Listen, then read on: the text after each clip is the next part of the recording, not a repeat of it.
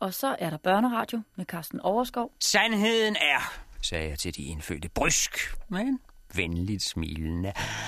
Sandheden er, at vi kommer fra en anden verden end jeres. Vi kommer, og her var jeg nødt til at holde en kunstpause, mens hjernen arbejdede for fuld tryk. Vi kommer fra himlen. Vi kommer op fra en af stjernerne, nemlig den største stjerne, I ser på himlen om natten, Nordstjernen. Vi fløj ned helt deroppe fra, udelukkende for at besøge jer. De sorte krigere hæv efter vejret. De kunne ikke få et ord frem. De nøjes med at stå og stirre på os. Så vidt så godt. Mine ord havde åbenbart gjort et vist indtryk. Men, fortsatte jeg, hvordan er I har modtaget os? Med glæde? Med gæstfrihed og med gaver? Nej. I modtog os ved at kaste med kniv mod os, gjorde I. En af jer slyngede sit våben mod min ven her, hvis ene øje er af glas, og som kun har skæg på den ene side af ansigtet, og som har løse tænder, der kan fare ud og ind af munden på ham. Denne forunderlige mand, som I burde ære højt, det der kaste en kniv efter, så han måtte på hovedet. Ha, ikke fordi I kan slå os ihjel, hvis det er det, I tror. Men for stjernerne lever evigt, så det kan I godt spare jer. Men er det en måde at byde sine gæster velkommen? Oven i købet gæster fra stjernerne? Nej, det er ikke. Og I burde straffe den hånd, der kastede den kniv. Vi ved alle, hvem jeg taler om.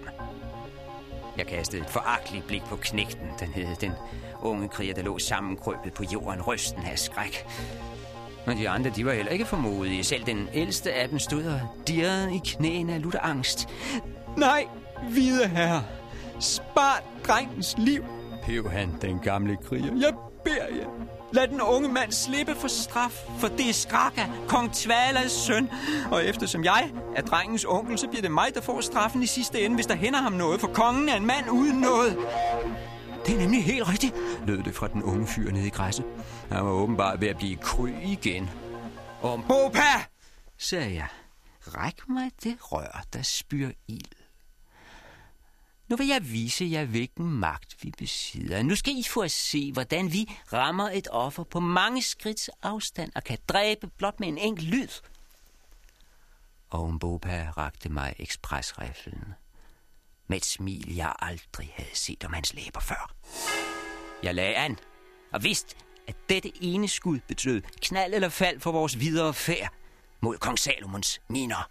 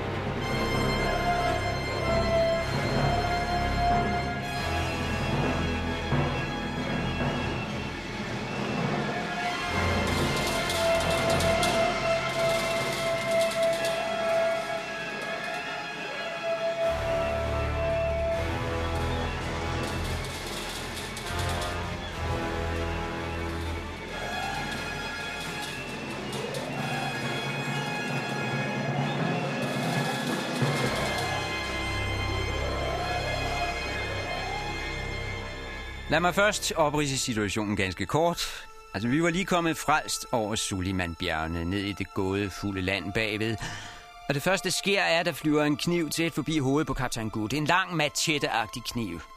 Og i næste nu dukker de så frem af krattet en hel flok af de frygtede kukuanerkrigere. Heldigvis når de kun at få kastet den ene kniv. Da de får øje på kaptajn Gut, går de fuldstændig i stå. Det forstår man for så vidt godt. Han står med bare ben nede ved bækken, hvor han lige har vasket sig kridhvide stikkelsbærben. Og han har kun nået at barbere sig på den ene side af hovedet. Desuden går han med monokkel og har gebis. Så det er ikke så mærkeligt, at de sorte krigere betænkte sig et øjeblik. Ikke alene ser de for første gang en hvid mand i bare ben, men han har kun skæg på den ene side af ansigtet. Og et af hans øjne er forstørret og skinner blankt. Og han har tænder, der kan tages ud af munden og puttes ind igen. Calling all stars, calling all stars. This is an emergency. There's a crucial jam at the corner of R&B. Proceed with caution. Suspects are musically armed and dangerous. Kukuanerne nåede aldrig at komme sig. For det var på det tidspunkt, jeg tog ordet. Jeg har nemlig lært mig en smule Zulu i min tid som storvildjæger her i det sydlige Afrika. Tog ordet og fik fortalt dem, at vi kom ud fra stjernerne. Situationen var altså nogenlunde under kontrol. Nu galt det bare om at sætte sig i respekt. Vi var fire mand alene i et fremmed land. Uden respekt om os ville vi ikke overleve ret længe og aldrig nogensinde nå frem til kong Salomons miner.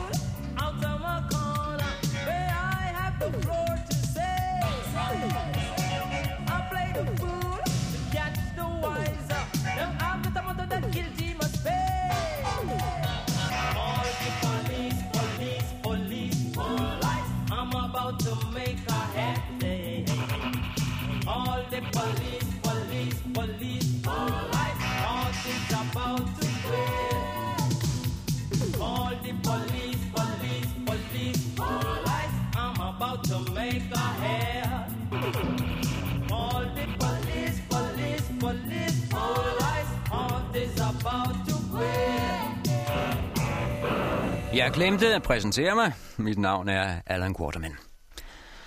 De andre på holdet var Sir Henry Curtis, en ung godsejer, der var draget til Afrika for at lede efter sin forsvundne lillebror. John Good, en pensioneret kaptajn fra den engelske flåde, der altid fuldtes med Sir Henry. Og så en enkelt indfødt Umbopa, en mand af Zulu-stammen, men lysere i huden end Zuluer er normalt. Faktisk, faktisk mindede han en del om de indfødte her bag Suleiman-bjergene. Det var høje, ranke folk, mere gyldenbrune end egentlig sorte. Min besønderlig lighed, der var der. Men det var der ikke tid til at få opklaret. Nu galt det om at sætte sig i respekt.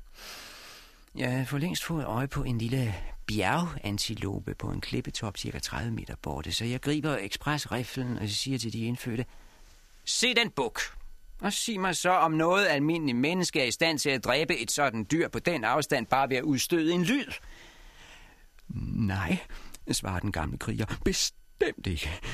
Det er der ingen, der kan. Og dog er det lige præcis, hvad jeg vil gøre. grønter den gamle. Det er plat umuligt, og hele flokken skrald griner. Yeah, man, we back into the studio and shit. I got my gang of uh, ignorant brothers and shit, man. They want to, you know, send some shouts out. Hell yeah. So, ignorant brother number one, step up. Oh, yeah. Oh, who that? Who that? Oh, man, oh, yeah, this is Jaime in the house. You know what I'm saying? I like to send a shout out to. Ooh, this nigga ignorant, boy. I told you nigga was ignorant. Yo. But I'm gonna let ignorant brother number two stay. Ignorant nigga, step up. Yo, first of all, my name is BAD, and people always ask, what does BAD stand for? Use your imagination, bitch. Anyway, yo, uh, Ben Jam Peace, my brother. Nu vel. Jeg hævede riflen og tog bukken på kornet. Desværre var det en meget lille bjergantilope. Et lidt for beskidt mål at sigte efter under normale omstændigheder ville ingen lægge mig til last, hvis jeg fejlede i skuddet og ramte ved siden af. Men i denne stund måtte jeg ikke ryste på hånden. En forbier var utilgivelig. En hver fumlen var på forhånd udelukket. Kiksede jeg nu og missede den elendige lille bog. Så var fortryllelsen hævet, og det kunne meget vel betyde enden for os alle fire. Gud være lovet, stod antilopen fuldstændig stille, som støbt fast på sit klippefremspring. Jeg trak vejret dybt, og uendelig langsomt pressede jeg aftrækkeren bagud. Så faldt skuddet!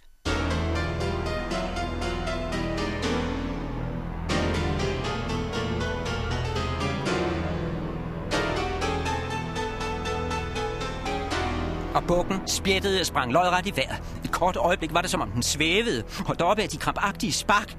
Men det har højst været et sekund. Så faldt den ned igen. Død som en sille. De indfødte skreg af redsel. Og jeg sagde, hvis det er kød, I mangler, kære venner, så værsgo!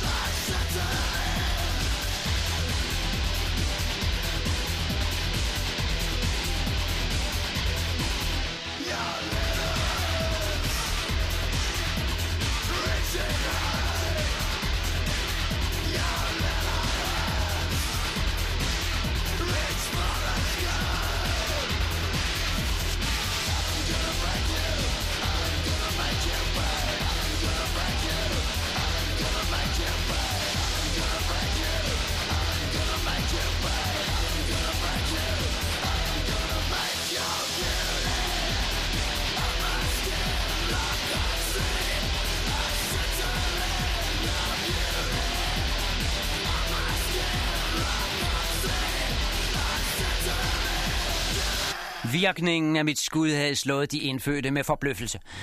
For ikke at sige dødelig skræk. De stod som stenstøtter.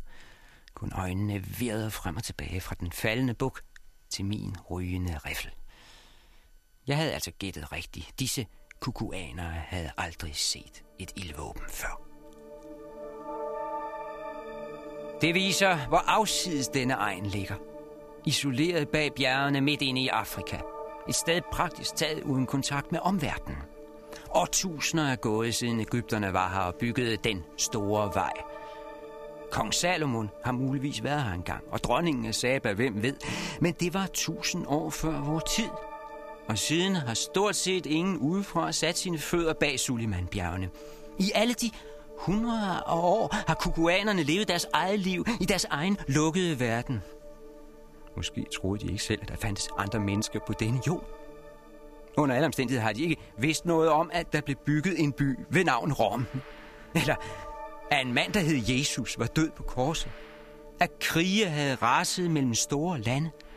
At hvide mænd beherskede verdenshavene.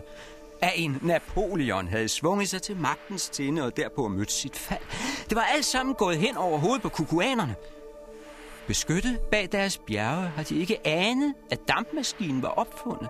Eller telegrafen. Eller lokomotivet. Eller kanonen. De havde aldrig hørt om det. Nu tales der jo omkøbet om, at vi skal have kunstigt lys fremstillet af elektrisk strøm. Det synes jeg nu er at gå for vidt, hvis det ikke må være mørkt om natten, hvor vi så hen.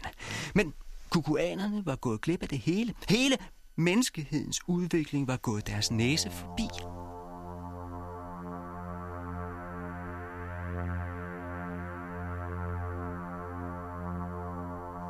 Selv det ypperste mennesker nogensinde har skabt, levede de i fuldstændig uvidenhed om. Det er selvfølgelig riflen, jeg tænker på. Winchester-riflen og Express-riflen. Det er våben, som ingen mand på jorden burde være for uden. Jeg vil gå så vidt som til at sige, at den, der ikke har følt vægten af en ekspresrifle mod skulderen, han har ikke nogen idé om, hvorvidt vi mennesker har drevet det. Han begriber ikke den tekniske fuldkommenhed, vi har opnået. Jeg er ganske stolt af, at det blev mig, der fik lov til at åbne den verden for kukuanerne og vise dem, hvad en moderne riffel formår. Et kort øjeblik var det mig, der drejede på historiens hjul og demonstrerede for et helt folkeslag, hvor utrolig langt vi andre er kommet, og hvor håbløst de selv var sakket agterud.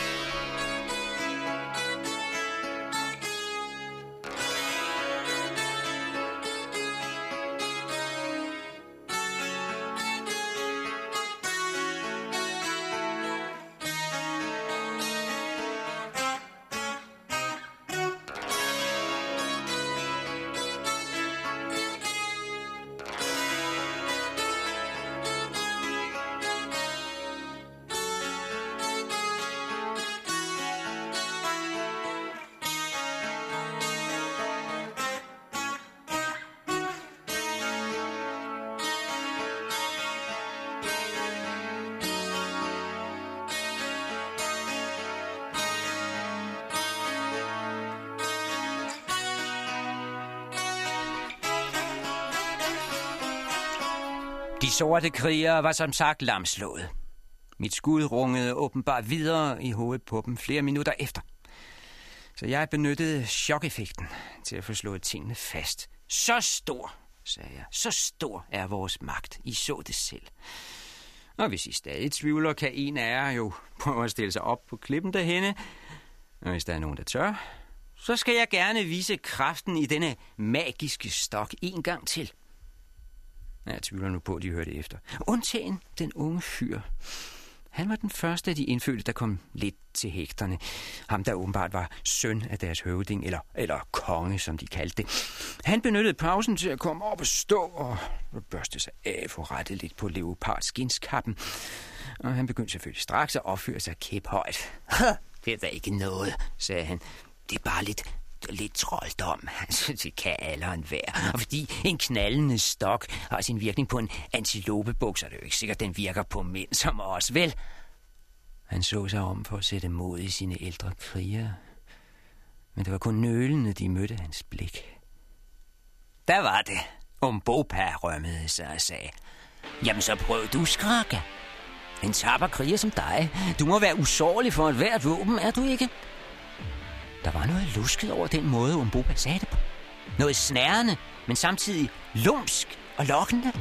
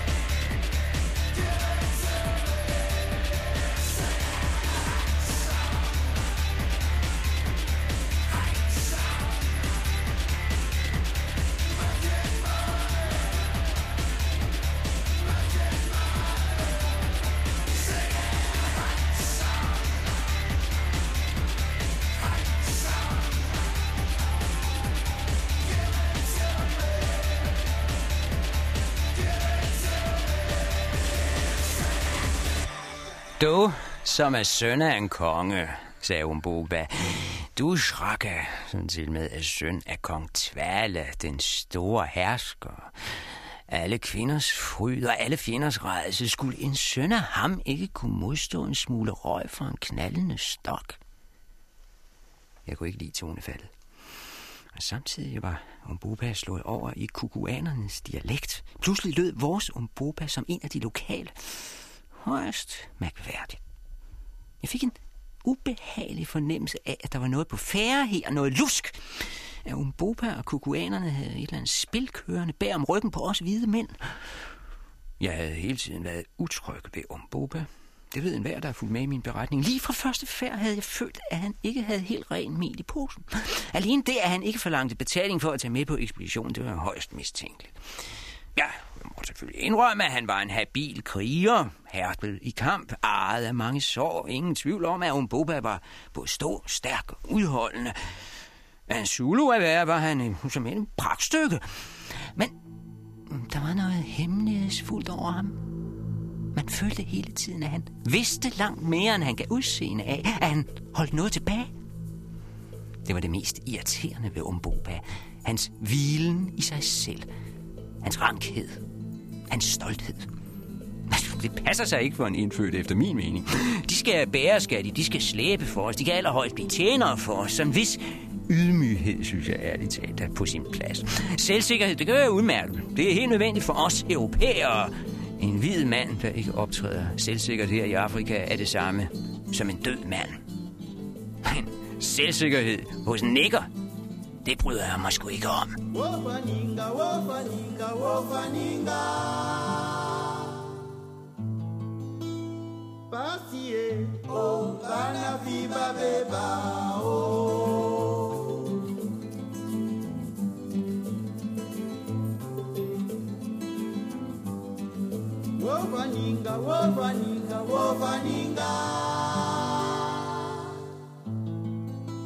basie o bana bi babeba o.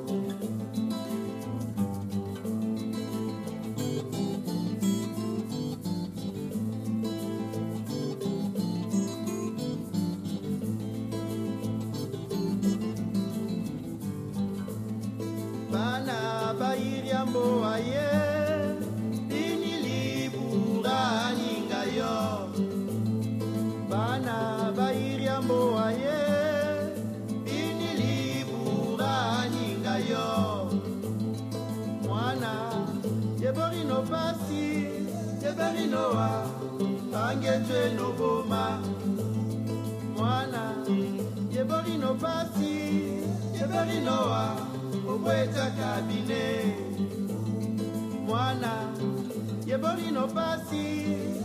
mali noa bangetwe no boma.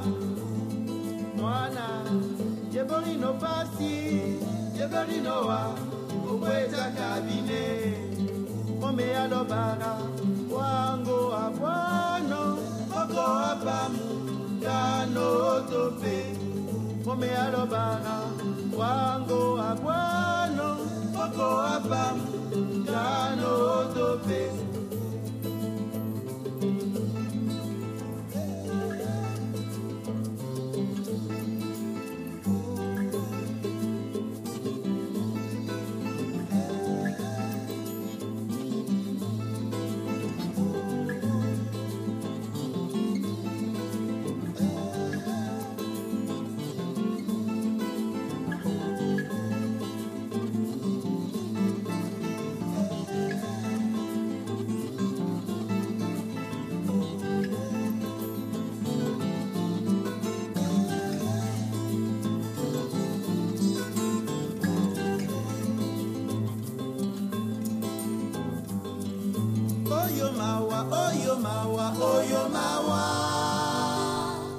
Men den gamle kriger lagde sig imellem. Nej, skrakka, lad være. Drengen skulle ikke prøve at spille modig. Et knald er nok. Vi har set rigeligt til den magiske stok. Jeg for min del er overbevist. De hvide mænd ejer en trolddom der, som ingen af vores egne hekse kan køre dem efter. Ingen engang hvis de slår sig sammen. Skrakka, du bliver her, jeg beder dig. Han rystede over hele kroppen, den gamle. Han skulle ikke have noget af, at kongens søn stillede sig op foran den hvide mands ildrør, hvor tapper det end ville være at gøre det. Det var tydeligvis hans ansvar, at knægten kom hjem i helt tilstand. Jeg beder dig, skrak. Lyt til mine ord. Lad dig ikke lokke ud i noget overild. Husk på, jeg er en far, jeg er din, din onkel. Jeg ved kun dit bedste. Tænk på kongeriget, som du skal arve. Og tænk først og fremmest på din fars vrede. Hvad vil ikke kong Tvala sige, hvis du lader dig narre af fremmed trolddom og mister livet på grund af lutterdumdristighed? Eller hvis du vender tilbage såret og lemlæst? Hvad skal jeg så sige til din far? Hvordan skal jeg dæmpe hans raseri? Tvala, kukuanernes almægtige konge, manden med de tusind koner, manden, der beskytter den store vej og står i spidsen for tusind krigere, slår alle sine fjender med redsel, kong Tvala, den enårede, den sorte, den skrækkelige, kort sagt. Din kære far, behøver jeg sige mere, skrækker. Den unge kriger rystede tvært på hovedet, trak opgivende på skulderen, som om han kun modvilligt gav efter for onkelens formaninger. I virkeligheden tror jeg, han var ganske glad for at slippe. Og de andre krigere, de var helt enige med onkel Enfaders. De havde set nok. De behøvede ikke flere demonstrationer. Det første tordenbrag fra mit magiske rør, det havde været rigeligt, og synet af antilopen, der faldt som ramt af lynet. Som en af dem sagde, spil ikke så stor en trolddom på så usle kroppe som vores. Glimrende, tænkte jeg. Så skulle den sag være afgjort.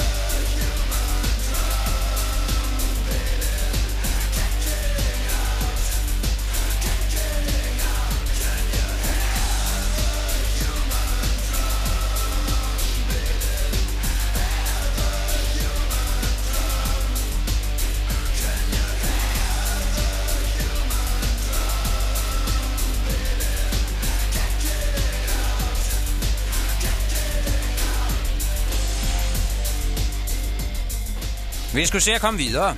Så jeg sagde til dem, at vi meget, meget gerne ville hilse på den konge, de snakkede så meget om, kong Tvala. Om de ikke kunne vise os vej. Vi gad altid ikke spille mere tid på undersåtter som dem. Det forstod en faders udmærkel. De skulle nok ledsage os på vejen. Men vi skulle være klar over, at der var tre dagsrejser til kongens by. Det betyder ingenting, sagde jeg. En dag, eller tre dage, eller tusind dage, det gør ingen forskel for os, for vi lever jo til evig tid. Vi kommer jo fra stjernerne, husk det. Jeg rankede mig og skød brystkassen frem. Og så vil jeg lige sige, at I skal ikke prøve på noget. Lok os i fælder, eller baghold, eller overlister os om natten. Det slipper I ikke godt fra. For vi kan se tværs gennem hovedet på jer og læse jeres tanker endnu før I selv har tænkt dem til ende. Og så vil straffen falde over jer. Se på den mand, sagde jeg og pegede på kaptajn Gud. Mærk jer hans frygtelige bare ben og skægget, der kun gror i den ene side. Den mand vil ramme jer med lynglimt fra sit store øje, det der blinker i solen. Og hans tænder, hans tænder, de vil flyve ud af munden på ham og bide sig fast i jer og æde jer op med samt jeres hustruer og børn og korn og kvæg, alt hvad jeg har. Jeg lover jer, alt vil blive fortæret af den mands flyvende tandsæt. Og til sidst vil det magiske rør tordne igen og fare som et uvær over landet og fare de sidste rester bort, som stormen pisker krummerne af et bord. Jeg siger det bare, så I er helt klar over konsekvenserne. De nikkede stille. De forstod. Godt, sagde jeg. Så har vi det på det rene. Afsted til kongens by. I tager bagagen.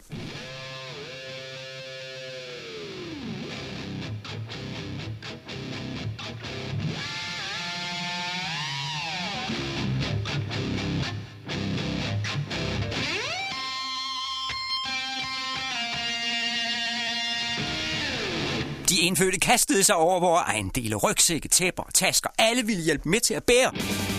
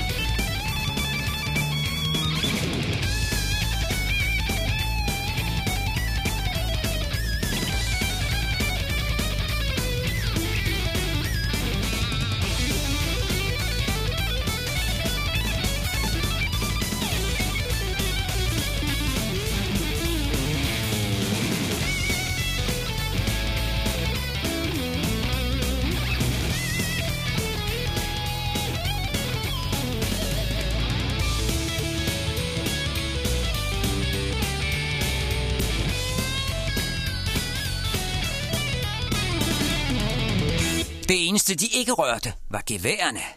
Dem holdt de sig på lang afstand af.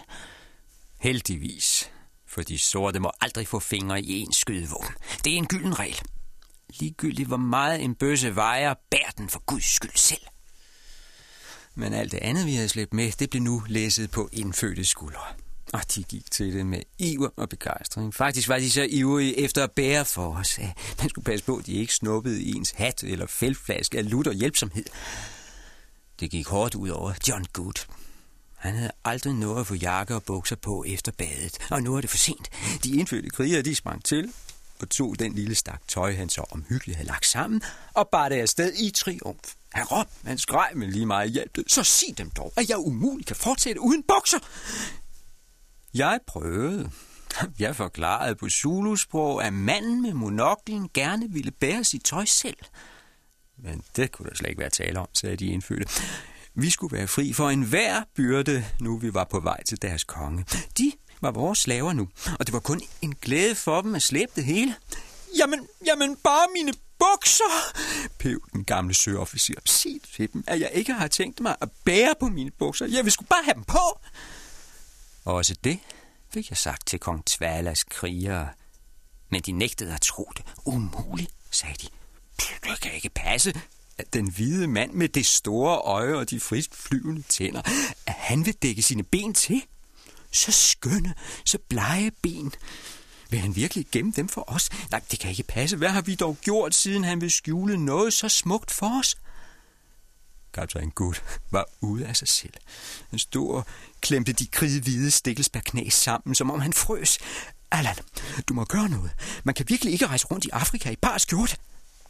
Men der var ikke noget at gøre. Jeg er bange for, at du hænger på den, sagde jeg. Det var dig selv, der begyndte på komedien. Du kunne bare have lavet være med at kaste rundt med gebisset. Nu har du selv valgt rollen, så er du nødt til at spille den færdig. De elsker simpelthen dine bare ben. Beklager meget, du gamle. Kaptajn Good stirrede bitter frem for sig. og husk lige at lade skægget stå i højre side, sagde jeg. Det mener du ikke? Det mener du ikke? Skal jeg også gå rundt ubarberet? Tænk dig nu om. Jeg pegede rundt på de indfødtes lange knive. Husk, du kommer fra en stjerne, hvor skægget kun gror i den ene side. Husk det, her troldmand. Vores liv afhænger af din skægstube.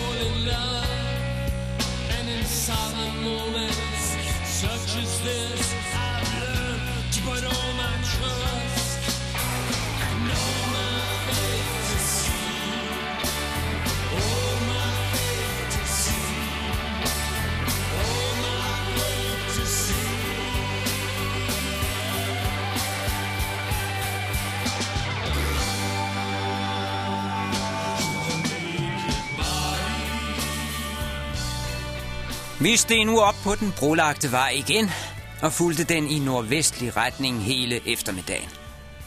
Kongesønnen Shraka og hans onkel Infados vandrede side om side med os, mens de andre indfødte holdt sig på respektfuld afstand. De kom bærende på vores ting cirka 100 meter bagud.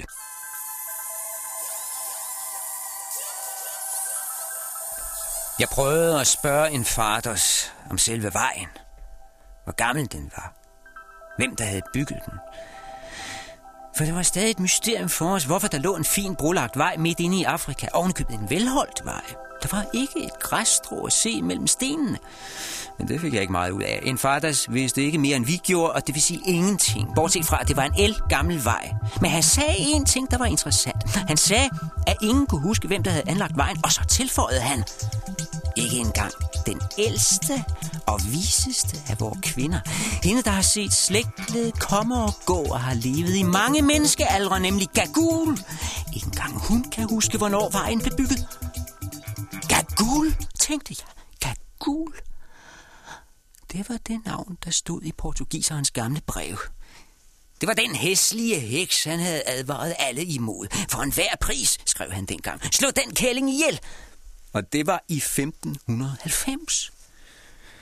Så det kunne umuligt være den samme Gagul, der var tale om, det er klart. Portugiseren havde været død i 300 år. Men alligevel utroligt, at det samme navn dukkede op igen nu.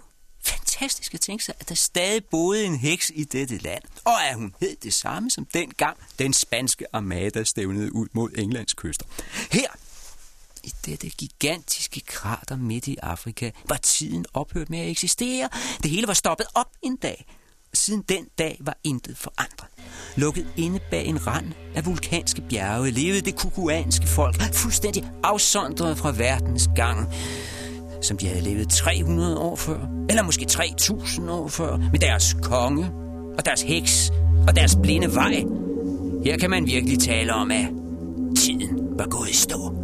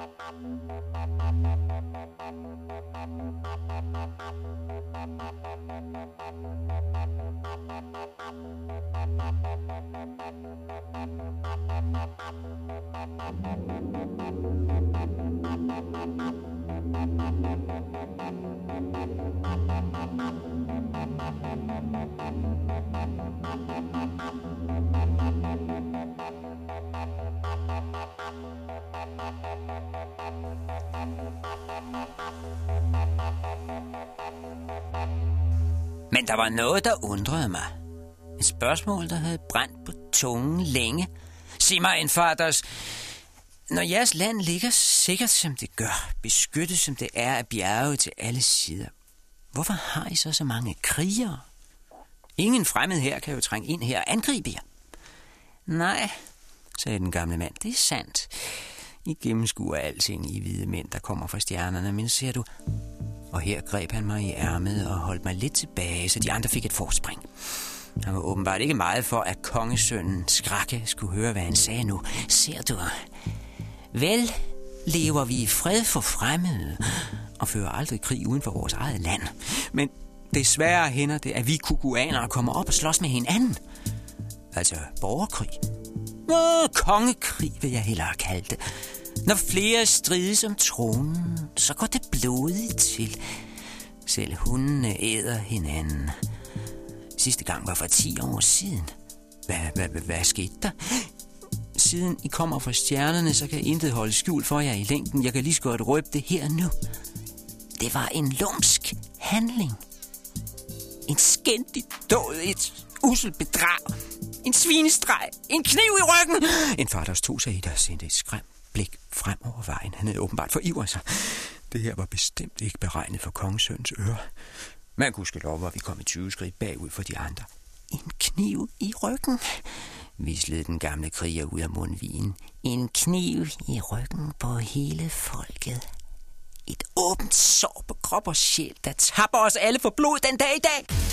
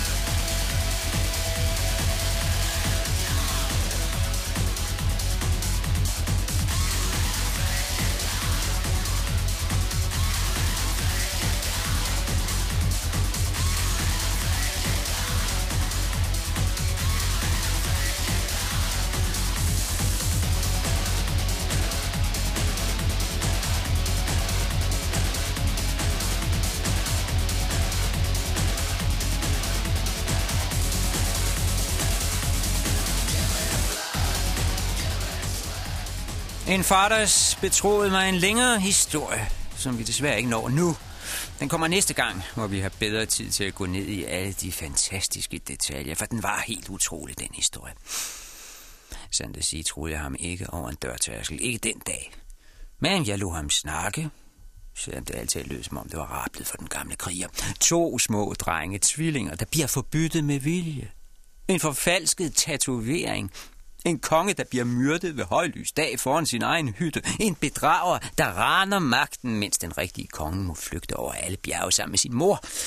Og så videre, så videre, så videre. Det lyder som en kulørt roman, ikke sandt? Det slags, man hygger sig med ved pejsen en mørk efterårsdag. Men som ingen tror en døjt på. Sygelige fantasier opstod i en digterhjerne. Det skulle vise sig, at hvert ord var sandt.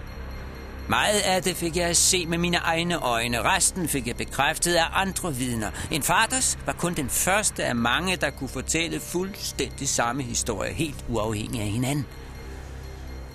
Jeg har hørt den så tit efterhånden, at jeg både kan den uden ad og ved, at den er sand. I får den næste gang, så kan I selv dømme. Om en uge, når vi tager næste skridt på vejen til kong Salomons miner.